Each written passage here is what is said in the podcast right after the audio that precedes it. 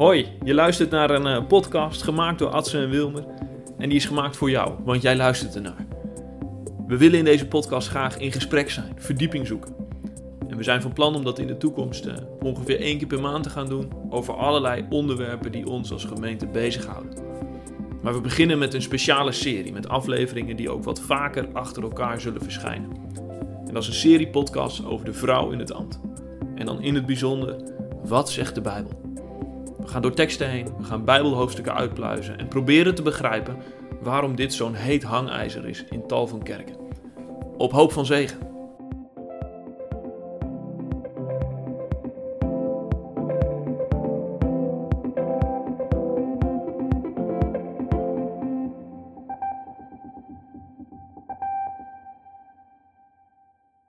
Hey Atse, we zitten er weer klaar voor. We gaan eh, weer een mooie podcast hebben over uh, de vrouw. En uh, deze keer gaan we het hebben over de positie van de vrouw door de Bijbel heen. We gaan eerst inzoomen op een sociale positie in de samenleving van het Oude en Nieuwe Testament. En daarna gaan we ook specifieker kijken naar nou, of er ook vrouwen waren die leidinggevende posities en rollen innamen. En ja, met taken of functies die iets van een ambt weg hebben. Atse, jij hebt je daarin verdiept. Vertel eens, die sociale positie van de vrouwen. Daar werd ik niet vrolijk van.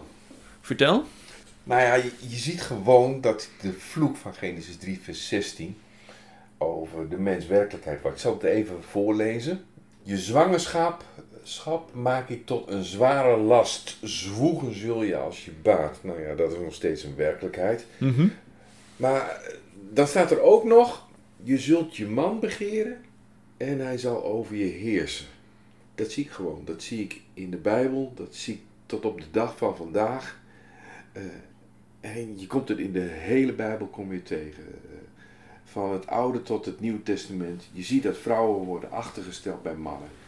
En uh, heb je daar wat voorbeelden van? Ja, heb ik even een aanloopje voor nodig. Abraham. Abraham komt uit Ur, wat nu het zuiden van Irak is. En daar heerste zoals in vrijwel alle oud-Oosterse landen de heerschappij van de man. ze noemen dat wel patriarchaat. Uh, is het handig dat ik daar wat over vertel? Nou, misschien wel. Het is een beetje een, uh, een moeilijk woord. Ja. Nou, uh, een vrouw was, maar je ziet dat dat in veel van die landen nog steeds zo is, ondergeschikt aan haar man of aan haar vader. Als, als je dan trouwt, dan betekent het dat dat iets is waar je in principe niet zelf over beslist als je het goed bekijkt, dan, dan denk je van ja, maar het gaat gewoon om, om een transactie. Um, en dat was het vaak ook. Uh, als de vader arm was, dan, dan kon hij zijn dochter verkopen voor geld. Dus dat is nog wel iets meer ook dan uithuwelijken, zeg maar. Ja. Het is echt een, uh, een contract sluiten. Een contract en geld speelt een rol. Als je vader arm was en je werd dan als meisje verkocht, niet, niet gunstig, want uh, vaak werd je niet meer dan een tweede echtgenoot. Was je vader rijker, dan gaf je aanstaande man een geldbedrag uh, als geschenk, compensatie aan je vader. En daarna was jij bezit van je man. Maar ja, bezit van je man. Ja, precies. Dus je ging als het ware over, uh, nou ja, zoals je iets koopt in de winkel, van de ene eigenaar naar de andere. En in dit geval van je vader naar je man. Ja. En die was jouw eigenaar. Ik ja. koop jouw koptelefoon en dat is dan, ja, nadat precies. ik dat heb betaald, is mijn koptelefoon. Ja, ja, ja precies. Overigens, dan moet ik er dan wel weer bij zeggen, is het niet zo dat dat altijd buiten de vrouw omging. Uh, Rebecca bijvoorbeeld, die uh, ging graag mee met Eliezer om de vrouw van Isaac te worden. Ja, precies. In het, uh, helemaal in het begin in Genesis. Maar, sec, nodig was het niet. Nee, als een meisje het een grote probleem mee had, kon het ook gebeuren. Als het een gunstige deal was. Ja. Oké, okay, en is dat... Je hebt het nu over het hele oude uh, nabije oosten, zeg maar. Dus, ja. dus niet alleen over Israël, maar dit is veel breder. Dit in is die... breed in die hele cultuur. Ja, en, en ook, ook in de Bijbel. Ja. Abraham was eigenaar van zijn vrouw. En dan zie je Sarah wel onafhankelijk optreden, maar ja, Abraham was haar heer. Uh, hij was eigenaar van zijn vrouw, van zijn kinderen, van zijn slaven. Uh, maar, ja, dan moet, ik, dan moet ik wel zeggen, hij mocht haar niet verkopen. Nee, precies. Dus er zat een, uh, wel een grens op. Ja. ja. zijn dochters mocht hij wel verkopen. Nee, precies. Dus als je bezit was van je man, dan kon je niet eh, doorverkocht worden, zeg maar, aan een andere man. Behalve als je... Ja, behalve. Er waren dan ook wel weer uitzonderingen voor. Als het dan niet goed was en als je man besloot om je weg te zenden, dan kon dat onder bepaalde voorwaarden. Ja, precies. Kon dat wel. Maar ehm, even over het verkopen. Eh, het is zo dat eh, Lea en Rachel dat aan hun vader verwijten. Dat ze eh, hen hebben verkocht. En dat, ze, dat hij vervolgens ook nog dat geld nou ja, er doorheen ge- gebracht heeft. Dus er zit ook wel... eh, blijkbaar hadden zij wel de, voelden zij de vrijheid om kritiek te hebben op, op het systeem, zeg maar. Ja. Ja, Dat zie je daar. interessant. Ja. Eh, zat er ook iets gunstigs aan deze regeling voor vrouwen? Ik bedoel, de- dat het zo was zoals het was, had dat ook, ook iets positiefs voor vrouwen in die tijd? Ja, ja, ja, dat kun je wel zeggen. Eh, als je bij een man hoorde, dan genoot je ook zijn bescherming. Dan was hij ook verplicht om voor je te zorgen. Eh, je had een dak boven je hoofd. Wat, wat, wat pas echt erg was, eh, was als je geen man had. Nee, precies. Want dan was je eigenaarloos. Ja, eigenaarloos, maar ook beschermloos. Er Ja. was ook niemand die voor je zorgde. Je ziet dus ook in de Bijbel dat er constant ook de vinger eh, wordt gelegd bij de situatie van weduwen en wezen. Ze zijn in feite onbeschermd. Er is niemand die voor hen zorgt. Nee. Eh, ja, en dan is er nog iets. Wat dan? Ja, dus dat is ook niet mooi. Een, een man mocht ook, ook meer dan één vrouw hebben. De meeste mannen hadden maar één vrouw. Maar je mocht er meer dan één hebben. Mhm. En, en vaak was dat dan het voorrecht van, van rijken en van, van koningen. Maar ook bij gewone Israëlieten kwam Ja, dat wel voor. En daar werd je positie als vrouw niet beter op. En ook niet altijd gezelliger. Nee, ik moet denken aan het verhaal van Hanna. Precies. En eh, die ook eh, samen met Peninna de vrouw van Elkana is. En waar nou ja, Peninna haar eh, gewoon ontzettend slecht behandelt. En pest met haar, dat zij geen kinderen heeft gekregen. Ja. Het is mijn indruk dat je dat eigenlijk in het Nieuwe Testament niet meer tegenkomt, of wel?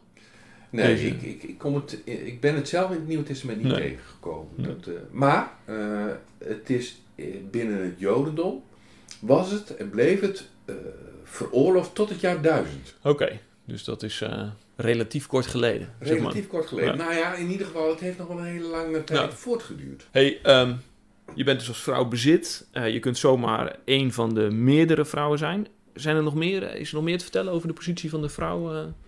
Ja, meer van die dingen. Ik denk van, dat is echt meten met twee maten.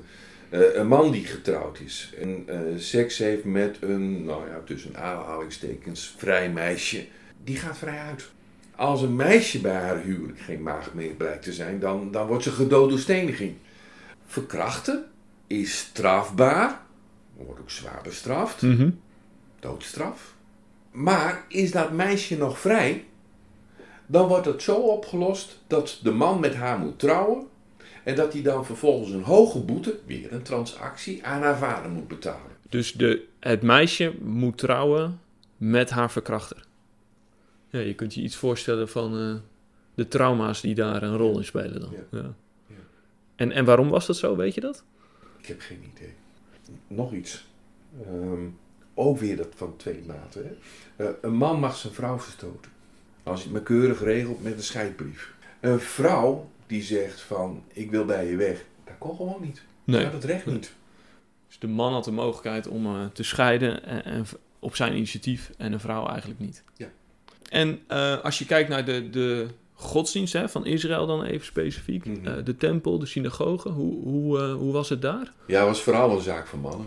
Je ziet daar de priesters en de levieten. Eh, die zie je daar aan het werk. En als je kijkt naar de gewone Israëlieten. eh, alleen de mannen waren verplicht om drie keer per jaar naar de tempel te gaan. Met Pesach, het feest van de eerstelingen en de Loofhutten, het Loofhuttenfeest. Eh, vrouwen waren dat niet verplicht. Ze mochten wel, maar ze waren dat niet verplicht. Later, in de tijd dat de synagoges ontstaan, dan, dan kon zo'n synagoge-samenkomst alleen maar plaatsvinden wanneer er tenminste tien man aanwezig waren. Eh, waren er honderd vrouwen, dan, dan, dan, deed dat er niet toe. Er moesten tien mannen zijn. Dus eigenlijk, nou ja, wat je ook wel ziet in de Bijbelverhalen, hè, dat, eh, bij de, dat alleen de mannen geteld worden. Hè? Bij de wonderbare spijsging bijvoorbeeld. dat ook. 5000 Ja. eh, mannen, vrouwen, Ja, en, kinderen en kinderen niet, niet meegerekend. Ze telden niet mee. Ja. Nee. Ja, er is nog iets dat ook wel behoorlijk ingrijpend is geweest voor, voor de vrouwen en ook voor hun positie in de kerk. En dat waren de reinheidsvoorschriften. Vertel. Nou ja, wanneer je ongesteld was, dan mocht je de tempel eh, niet in. En ook de synagoge niet in. Tot acht dagen na de menstruatie. En als je een kind had gekregen, was het een jongen, dan eh, was de moeder eh, daarna nog zeven dagen onrein en mocht ze 33 dagen niet de tempel binnengaan. En, en bij de geboorte van een meisje was dat het dubbele ervan. Die, die onreinheid is, is ontzettend ingrijpend. Je kon gewoon, gewoon vaak uh, niet meedoen met de dienst aan de heren. Het was dus voor vrouwen een stuk moeilijker, alleen al door uh, de fysieke eigenschappen, om uh, volop mee te doen ja. in het, in het religieuze leven. Nou, een heel aantal manieren waarop vrouwen echt een hele andere positie hebben dan mannen. En soms gewoon ronduit achtergesteld. Mhm. Was dit het? Of heb je nog meer... Nou, er is nog wel één ding, dat vind ik ook, vind ik ook echt belangrijk. Ehm, mijn kinderen eh, zijn allemaal gedoopt.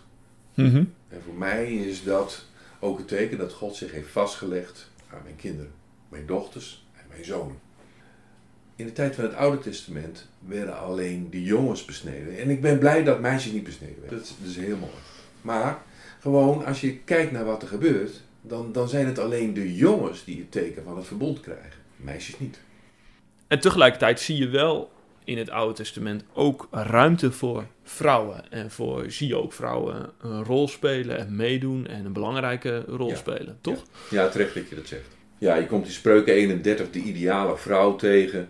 En je ziet hoe ze leiding geeft aan haar huishouden, hoe ze tapijten maakt en, en linnen kleding, handel drijft. Dat ze ijverig is, een gul wordt er over haar gezegd en ze wordt geprezen. eh, en dat ze wijs is en onderwijs geeft en dat haar man op haar vertrouwt en, en dat, dat hij haar prijst. Nou ja, mooie dingen. Een positief, positief verhaal over de vrouw. Ja, maar ja, eh, hij zat dan wel weer in de poort en hij hoorde bij de mensen die leiding gaven en hij hoorde bij de mensen die recht mochten spreken. En dat was voor vrouwen überhaupt niet, eh, Nee. niet toegestaan. Nou, eh, je vindt in de Bijbel natuurlijk wel een Deborah, hè? Die, die rechter is, Ja. wordt ze ook genoemd. Ja, die spreekt wel recht. En, en er zijn meer vrouwen, in, ook in het Oude Testament, die eh, echt al eh, voor het voetlicht verschijnen. Mirjam al, de, de, de zus van, van Mozes, hebben we profetes genoemd. En ja, je ziet haar ook leiding geven aan Ja. het volk. Rahab is ook iemand die, die toch wel uitspringt. Door haar moed, door haar vertrouwen op God. Eh, Rut, die, die, die zegt van uw volk is mijn volk. En die ervoor kiest om, om de weg van de Heer te gaan. En die ook de, de regels die de Heer heeft gegeven, die, die, die, die, die weg wil gaan wanneer het gaat over het leviraatshuwelijk. En nou, dat doet zij. Ja. Abigail, een dwaas van een man heeft ze. Maar zij is degene die ervoor, ja, die ervoor zorgt dat, dat, dat David geen, bloedschuld treft. Ja, zij, ga- zij gaat toch David tegemoet met Zij een reis. En dan, dan zorgt ze eigenlijk eh, zorgt ze voor een stuk vrede, zeg maar. David staat met zijn zwaard klaar om, om echt die hele familie van, van, van eh, Nabal om die, om die uit te moorden. En zij zegt, dit moet je niet doen, want er zal bloed aan je handen kleven als je straks koning bent over Israël. Dus daar luistert ook blijkbaar wel de koning van Israël. De toekomstige koning van Israël luistert naar een vrouw. Dus Ja, de- en hij prijst haar ook gelukkig. Ja, ja dus het is ook wel. eh, je ziet ook vrouwen op een positieve manier eh, opduiken. Nou, dit, we hebben het nu vooral over het Oude Testament gehad, hè? De tijd van het Nieuwe Testament. Kun je iets vertellen over de positie van vrouwen in die tijd? Dan moet je even weten dat het een eh, gemengde cultuur is. De Romeinen hebben het voor het zeggen in Israël. Maar ja, die, je hebt ook nog de Griekse cultuur. De Romeinen volgen de Grieken op. Ja. En die Griekse cultuur is ook heel erg aanwezig in Israël. In hoe men dacht en hoe men sprak. eh, wat men goed vindt, vond en wat men slecht vond. Bij die Grieken kom je ook een soort van patriarchaat tegen.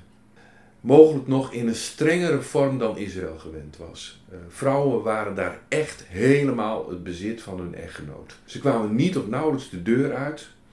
Opleiding ontvingen ze ook helemaal niet.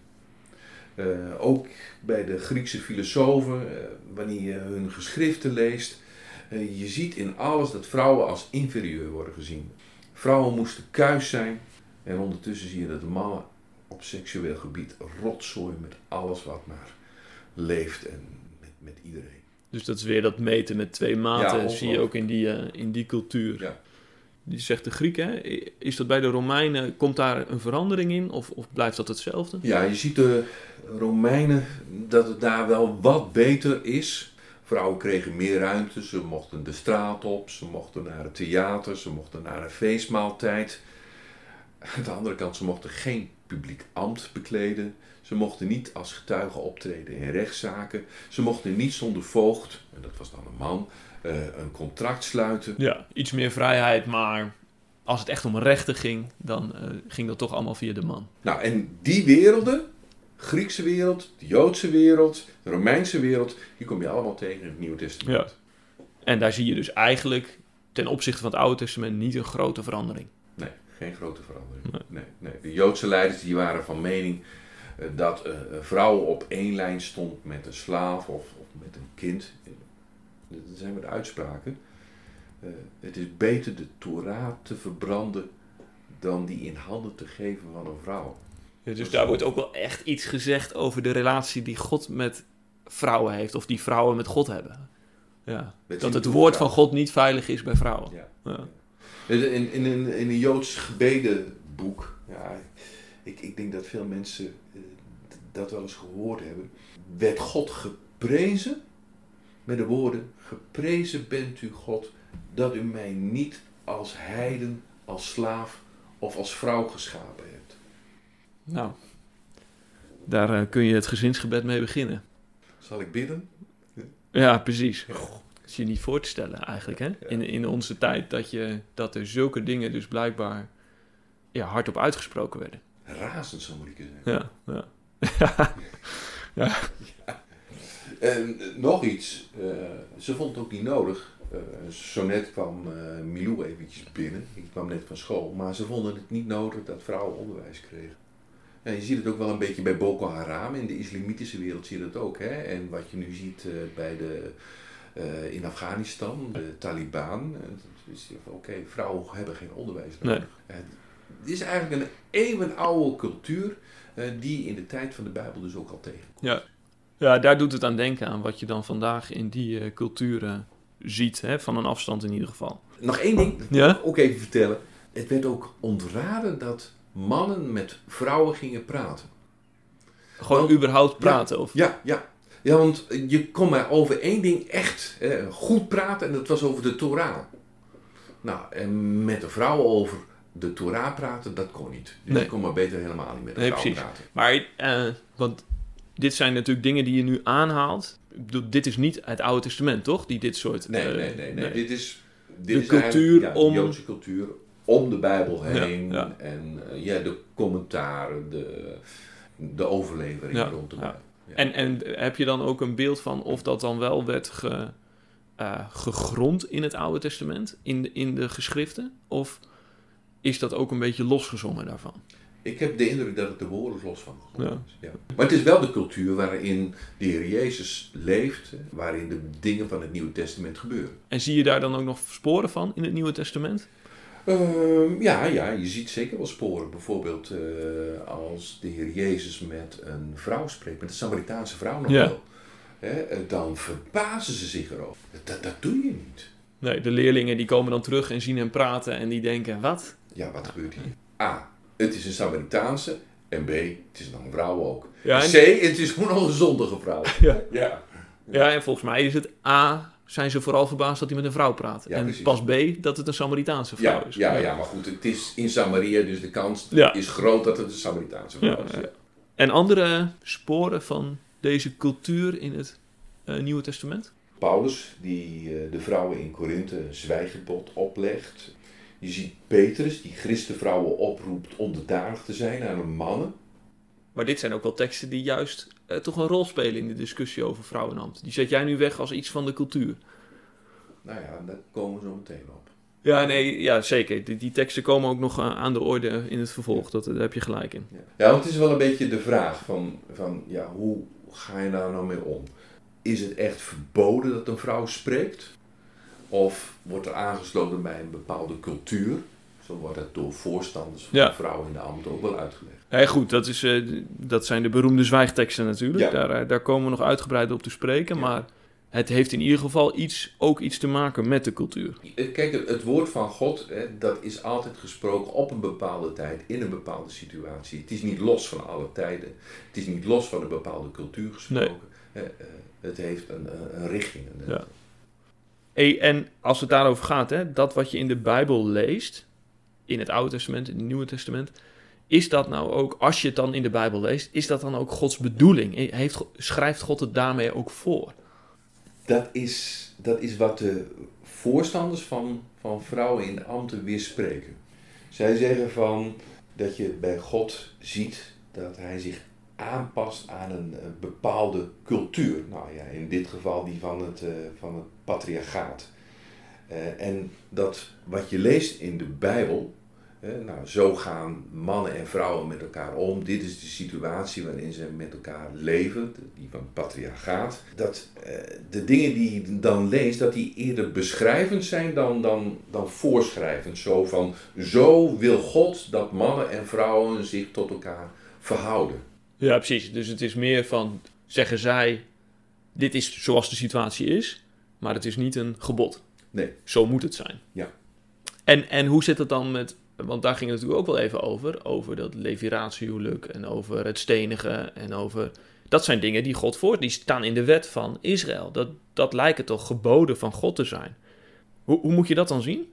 Nou het, het is zeker waar dat God dingen regelt. Eh, hij regelt van hoe een man met zijn vrouwen om moet gaan.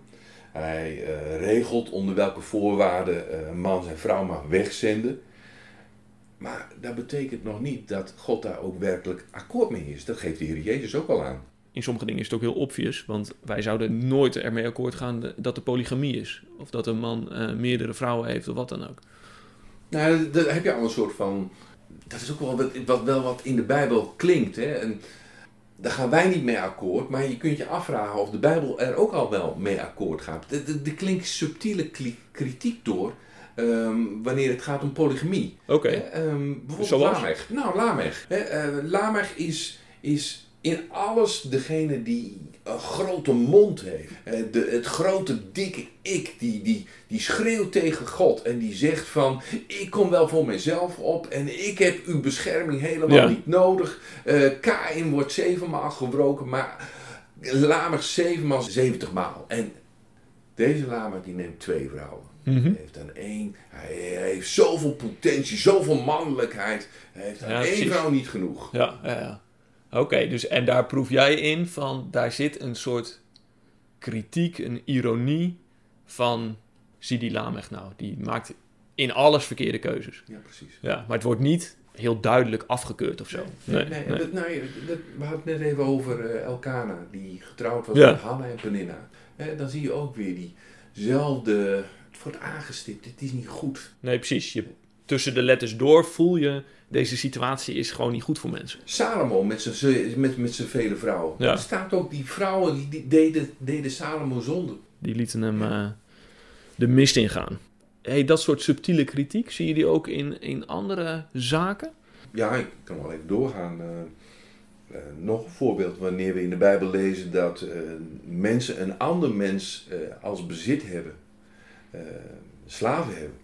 Ja, dan zie je dat God wel voorschriften geeft eh, hoe je met die slaven omgaat. Maar dan wil dat nog niet zeggen dat dat goed is in Gods ogen. Nee. Dat de ene mens eigenaar is van een ander mens. Je afvragen of dat een mens toekomt. Ja, terwijl het wel, zelfs in de tien geboden komen de slaven voorbij als een gegeven, zeg maar. Ja. ja. En dat is niet een gebod van, nou, eh, het is goed om slaven te hebben. Nee, maar er worden wel dingen geregeld. En er is ook voor deze slavenbescherming. Als je dat zo hebt, hè, over die, die subtiele kritiek die ook in de Bijbel zelf zit op bepaalde gegevenheden in de cultuur, zou je dan ook kunnen zeggen dat er in de Bijbel een soort van eh, ontwikkeling zit? Of dat, daar, dat je ziet dat nou, er een andere moraal wordt voorgestaan, langzamerhand? Ik denk het wel. Nou ja, over polygamie hebben we het gehad. Ja. Eh, ik denk ook eh, slavernij. Hè? Die, nou, je denkt aan die beroemde brief van Paulus aan Philemon. Nou, jongen, jongen. Want wat gebeurt daar in die brief? Nou ja, daar wordt uh, tegen de eigenaar van uh, Filemon gezegd. Van, of nee, tegen, tegen, uh, tegen Filemon, die is de eigenaar van, hoe heet hij nog maar? Onesimus. Onesimus. van, ja, ga nou eens met andere ogen naar hem kijken. En jullie hebben dezelfde Heer. Ja. En past dat wel? Maar hij wordt wel teruggezonden. Ja. dat past ook weer binnen de, de geldende cultuur van dat Ja. moment. Ja, precies. Dus het wordt niet omvergeworpen, maar er worden wel eh, wissels omgezet. Ja. Van ook jouw slaaf is, is kind van de Heer. Ja. En je bent als broers eigenlijk. Je bent broers en Ja. hoe kan dan de ene je heer zijn als je precies. broers bent? En hoe kan, als je maar één heer hebt, hè, hoe kan zo'n slaaf dan twee heren hebben? Dat, dat zijn dingen die, die wringen. En zie je daar ook iets van in het leven van Jezus bijvoorbeeld? In de manier, als het gaat om vrouwen, hè, we hebben het nu even over slaven en zo, maar hoe Jezus met vrouwen omging? Ja, ook, ook he- helemaal niet eh, het revolutionaire, dat past niet bij de Jezus. Maar, maar wel ook heel subtiel. Hij, hij spreekt onbevangen, nou, we hadden het over die Samaritaanse vrouw, daar spreekt hij mee. Ehm, hij eh, wordt genoemd als eh, vriend van Lazarus en Martha en Maria. Ja, Maar ik lees in de Bijbel eh, geen enkel gesprek dat Jezus heeft gevoerd met Lazarus, maar wel met Martha en Maria. ja, ja. En in zijn onderwijs figureren vrouwen ook opmerkelijk vaak. eh, de weduwe die eh, maar een paar muntjes heeft, daarmee alles geeft. ze wordt als voorbeeld neergezet hè, van haar geloof en toewijding aan God. Een bloedvloeiende vrouw met wie die in gesprek gaat. En wanneer het gaat over het wegsturen van een vrouw, scheidbrief, dan zegt hij dat moet je niet doen. Eh, dat- dat- ook, ook als je dat netjes doet, dan is dat nog niet goed. Eh, wat God heeft verbonden, eh, mag een mens niet scheiden. Ja, dat is wel echt een passage waarin je ziet van... Hey, er zijn dingen geregeld door God om het, om het kwaad te beteugelen, als het ware. Ja. Maar is het nou echt goed? Nee, het is niet echt goed. Dat maakt Jezus heel duidelijk. Het is de bedoeling dat mensen bij elkaar blijven. En nog andere tekenen van dat er iets verandert in de loop van de geschiedenis die de Bijbel beschrijft? Nou ja, eh, dingen die zich in het Oude Testament eh, al aandienen. Eh, je ziet dat het in het Nieuw Testament nog meer zichtbaar wordt. Mirjam, een profetes. Hanna in het Oude Testament, die een profetisch lied Ja. zingt. De vrouw van Jezaja wordt ook een profetes genoemd. Maar zo vind je dat in het Nieuwe Testament ook. Elisabeth, ze, spreekt Gods woord. Wij lezen het in de Bijbel. Hè? En als we de woorden van Elisabeth lezen, dan zeggen we, zo spreekt de Heer. Nou, dat is woordspreken met gezag. Maria, net zo. Ook, eh, ook eh, Zacharia profeteert en, en, en Simeon, die, die met Hanna in de tempel is, die doen hetzelfde. Hè? Maar je ziet, vrouwen en mannen profiteren rond de geboorte van de Heer Jezus. Maar, maar vrouwen gaan voorop. Die zijn de eerste die, eh, die het loflied zingen. Ja, ja, jij gaat over Maria, eh, over de lofzang van Maria preken. Ja. ja. Ja, als de mensen dit horen, is dat al lang geweest. Ja, maar- ja, ja. was dat vroeger.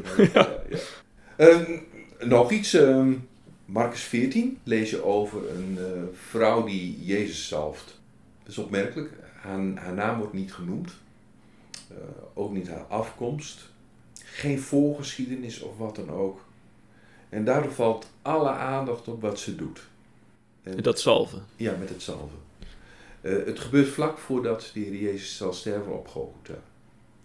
Die zalfolie heeft een vermogen gekost. En dan staat er dat ze niet zijn voeten zalft, maar zijn hoofd. En, en wat, eh, waarom leg je daar zo het accent op?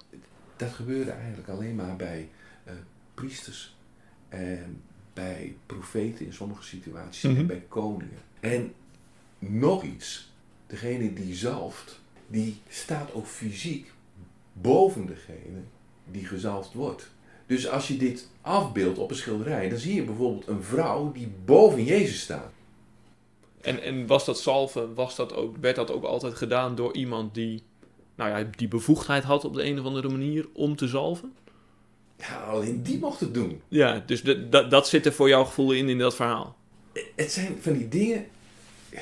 Wat gebeurt hier? Ja, ja. Het, het, het is heel moeilijk om te zeggen van oké, en daarom eh, komt een vrouw veel meer eh, bevoegdheid toe dan eh, haar toegekend is, maar het zijn wel die dingen die opmerkelijk blijven. Ja, opmerkelijk. Eh, Wat ook opmerkelijk is, vind ik altijd, is dat nou, rondom kruis en opstanding, ja, zie je ook dat de vrouwen steeds een, een rol spelen. En eh, nou, dat er sowieso veel vrouwen bij betrokken zijn. Ja, ja, Marcus 15, dat is een Mhm. hoofdstuk later dan. Eh, dan zie je dat vrouwen aanwezig zijn. Eh, de mannen zijn gevlucht, maar vrouwen zijn aanwezig. Weliswaar van een afstand, maar ze zijn aanwezig. Hey, als ik het zo samenvat, nou, dan zie je dus dat die vloek van Genesis 3, vers 16 eh, doorwerkt. En dat, dat zie je ook in de Bijbel, dat vrouwen worden achtergesteld. En dat is dus niet iets wat God daarmee ook goedkeurt, hè, dat het in de Bijbel voorkomt.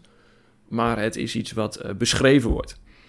En, en jij noemt dan die subtiele kritiek die daar ook in zit. Al in het Oude Testament met eh, mensen als eh, Mirjam en Rahab en Rut enzovoort. En in het Nieuwe Testament me- helemaal met die vrouwen rondom Jezus en hoe Jezus met vrouwen omgaat. Dus een situatie van achterstelling waar wel kritiek op is. Hey, als, als ik het goed gelezen heb hè, in alles wat er over man en vrouw en ambt geschreven is, dan is dit wel waar eh, voor- en tegenstanders het samen over eens zijn. Achterstellen van de vrouw, dat is eh, ja, tegen de wil van God. En die subtiele kritiek wordt ook herkend enzovoort. Maar dat raakt allemaal nog maar zijdelings natuurlijk aan de vraag waar het om gaat in de discussie. Namelijk, mag de vrouw nou ook een leidinggevend ambt hebben? Nou, heersen is niet het goede woord, maar gezag hebben over de man. Ja. Zijn er nou ook voorbeelden van vrouwen in het Oude Testament? Je hebt al wel wat genoemd. En in het Nieuwe Testament. Van vrouwen die iets van een ambt vervullen. Die leiders zijn. Die gezag hebben. Ja, ja, nou ja, ik, ik heb het in feite al gezegd, hè. eh, Mirjam. Hè? Ja, Als profetes. Als profetes, maar ook, eh, zij geeft ook leiding aan het volk. Eh Deborah, he- heel duidelijk. Ja. Rechter wordt ze genoemd. Eh, niet, niet rechter omdat Barak het eh, nalaat. Eh, nee, zij neemt de het voortouw in de strijd omdat Barak het na- nalaat. Maar zij is rechter over Israël. Want, want dat, is het, dat is wat anderen zeggen. Dat van ja, Deborah moet in het gat springen van wat Barak laat vallen. En daarom komt zij als vrouw in een leidende positie. Zo, zo leggen mensen dat soms uit. Ja. Dat is niet wat, wat, je, wat je in de Bijbel vindt. Dat, is, dat wordt gewoon rechter genoemd. En nog meer? Ehm, ja, je kent de, de profetes Gulda.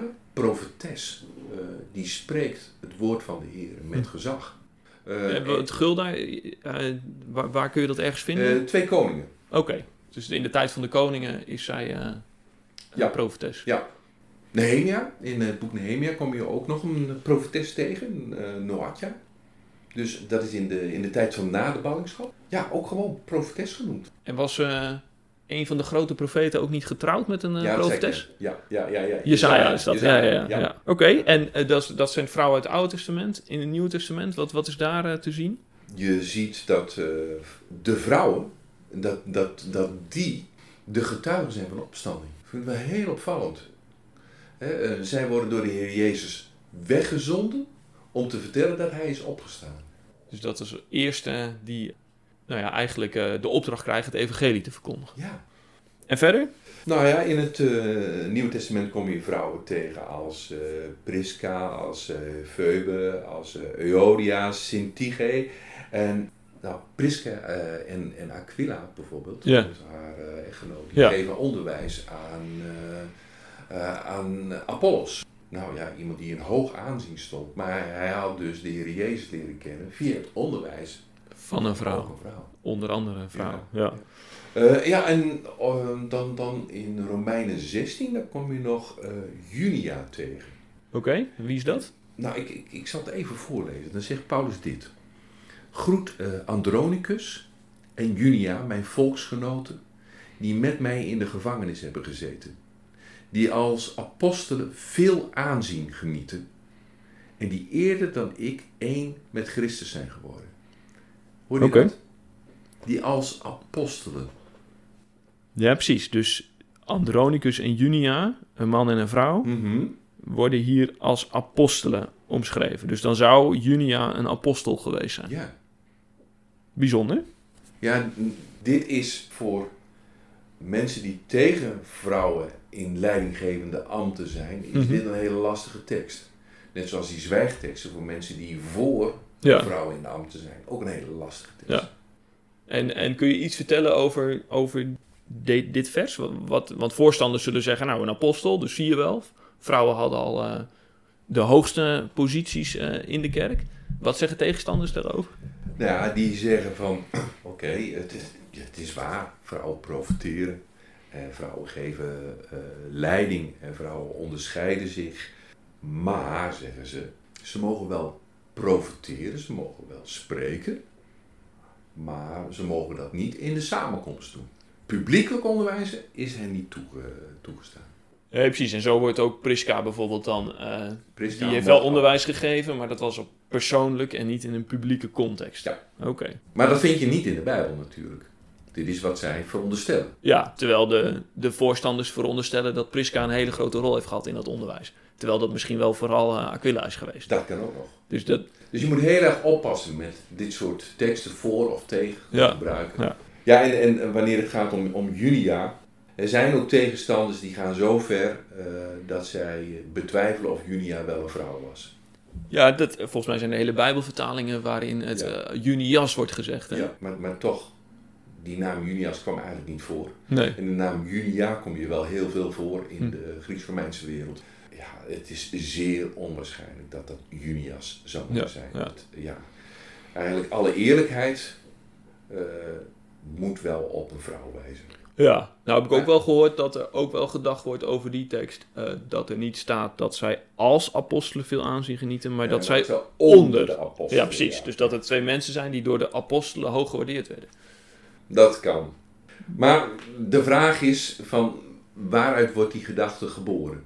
Als je uh, van tevoren al van mening bent van dat het niet bestaat dat er een vrouwelijke apostel kan zijn, dan ga je eerder die kant uit Ja. om het zo uit te leggen. Ja. Ja, en als ik de commentatoren goed heb begrepen, dan is het Grieks. In eerste instantie is het logisch om echt te denken aan, zoals het ook in de Bijbelvertaling staat, die als apostelen veel aanzien genieten. Dat dat de meest voor de hand liggende vertaling is. Ja. Ja. Je schetst een beeld vanuit het Oude Testament, Nieuwe Testament, een aantal vrouwen met iets van leidinggevende posities. Wat is nou de belangrijkste tegenargument van de tegenstanders van de vrouw in het ambt om, om die voorbeelden nou niet leidend te laten zijn, maar meer een soort uitzonderingen? Nou, het belangrijkste is dat ze zeggen van het, het kwam wel voor dat vrouwen leiding gaven. Het kwam wel voor dat vrouwen profiteerden. Uh, maar zeggen zij, het gebeurt allemaal in een kader, in een context van mannelijk leiderschap. En ze zeggen van, nou zo mag het ook in de kerk wel gebeuren. Uh, een vrouw mag van alles doen, mag van allerlei uh, bedieningen hebben. Maar als het maar zo blijft dat het gebeurt in de context van mannelijk leiderschap. Dus dat is, uh, ik, weet, ik weet niet of iedereen dat zo zegt, maar dat is natuurlijk wel wat je tegenkomt ook in de discussie. Mensen die zeggen, is dat niet een vorm die heel geschikt is ook voor de kerk vandaag? Ja, de, je, een raad van mannelijke oudsten, met daaronder ook wel vrouwen die ja, van die alles doen. van alles doen. Ze mogen, ze mogen zelfs spreken, ze mogen pastoraat doen, ze mogen onderwijs geven. Uh, maar uh, wanneer het gaat om leiding geven, dan moet dat worden overgelaten aan een raad van oudsten Ja. mannen. Nou ja, daar zie je wel volgens mij dat in de discussie het echt draait om... mag er leiding gegeven worden of niet? Ja. Maar goed, daar komen we, als we het over uh, 1 Timotheus 2 hebben... zeker nog over te spreken. Wat onomstotelijk waar is... is dat Jezus twaalf mannelijke apostelen kiest. Hè, we kunnen het over subtiele kritiek hebben... en over voorbeelden van vrouwen die iets doen... Maar als Jezus toch de vrouw een betere positie zou willen geven, waarom kiest hij dan toch twaalf mannen? Geen idee. Nee. Nee, maar ik denk dat je er ook voor moet oppassen dat je daar weer al te veel aan wilt ontlenen. Hij kiest twaalf mannen En that's it. en that's it. Ja, Dat wil nog je... niet zeggen dat vrouwen geen leiding mogen geven. En hoe gaat het verder? Nou ja, daar hebben we al veel dingen van genoemd. Maar ik, ik denk dat vooral ook het gebeuren rondom Pinksteren een hele belangrijke rol spelen. Dat het evangelie dan in elke taal klinkt. Dat de geest wordt uitgestort op mannen en op vrouwen. Jullie zonen en dochters. En je ziet dat steeds meer belemmeringen worden weggenomen na Pinksteren. De reinheidswetten die uh, zo'n barrière vormden voor de vrouw, die zijn vervuld in Christus. Christus die alle onreinheid wegneemt. Je ziet dat vrouwen gedoopt mogen worden. Dat ze onbevangen het, het teken van het nieuwe verbond mogen ontvangen. En je ziet dat eh, de geest wordt uitgestort op gelovigen eh, uit de heidenen. En dat de grens tussen Jood en Griek verdwijnt. En de grens tussen Heer en slaaf verdwijnt. En dat ze allemaal één zijn in de Heer. En voorstanders van, van de vrouw in de ambten, die zeggen dan... Dat komt allemaal zo mooi samen in Galaten 3 vers 28. Eh, ik zal het even voorlezen. Er zijn geen Joden of Grieken meer. Slaven of vrije. Mannen of vrouwen. U bent alle één in Christus Jezus. En ze zeggen, elk onderscheid is verdwenen. Ja, terwijl ik me ook kan voorstellen dat tegenstanders dan zeggen... nou, dat is een tekst die heel duidelijk maakt. Er mag geen sociale achterstelling zijn. Man en vrouw zijn volledig gelijkwaardig als uh, mensen in Christus, geschapen naar Gods beeld. Nou, maar het gaat niet, die tekst gaat toch niet over een ambt of een positie of rollen of taken. Dat, daar kan toch nog steeds verschil in zijn. Ja, nou, heb je gelijk. De voorstanders zeggen, maar er wordt wel een zaadje gelegd. Dat het niet voor niks is dat, dat Paulus dat er wel even aan toevoegt. Ja. ja. En dan ook die andere twee, hè? slaaf, vrije, jood, Griek, man, vrouw. Want dat zijn de, de lijnen waar langs de sociale ongelijkheid liep, zeg maar. Goed. We spelen allerlei vrouwen een rol in, in de Bijbel. In, uh, en ook in de vroege kerk. Voorstanders van de vrouwen in het ambt leggen dat maximaal uit. Ik vat een beetje samen ondertussen hoor. Ja, doe dat hoef ik dat niet te doen. ja, in de, in de richting van hun, van, van, van hun positie. Ze zeggen, ja, zie je wel, vrouwen hadden al ambten in het uh, oude Israël en in de vroege kerk. En, en tegenstanders van de vrouwen die zeggen van, ja, uh, maar je moet het ook wel een beetje relativeren. Hè? Het zijn vooral uitzonderingen. Uh, het zijn vrouwen, het zijn specifieke vrouwen die een bepaalde bediening krijgen maar het gebeurt elke keer in de context van mannelijk leiderschap. Je ziet eigenlijk dat de Bijbelse gegevens niet doorslaggevend zijn voor wat mensen nou vinden. Bedoel je de Bijbelse gegevens of, of al deze voorbeelden van... Al deze voorbeelden. Ja, precies. Ja, wat we hier net een beetje besproken hebben. Ja. Dat geeft de doorslag niet. Nee. nee. uiteindelijk moeten het andere dingen zijn. Nou, Genesis 1, 2 en 3, waar we het vorige keer over hebben gehad. Of ja, waar het dan de volgende keer over zal gaan, uh, over de plek die vrouwen krijgen in, in het huwelijk. Uh, en niet te vergeten, de zwijgteksten. Ja.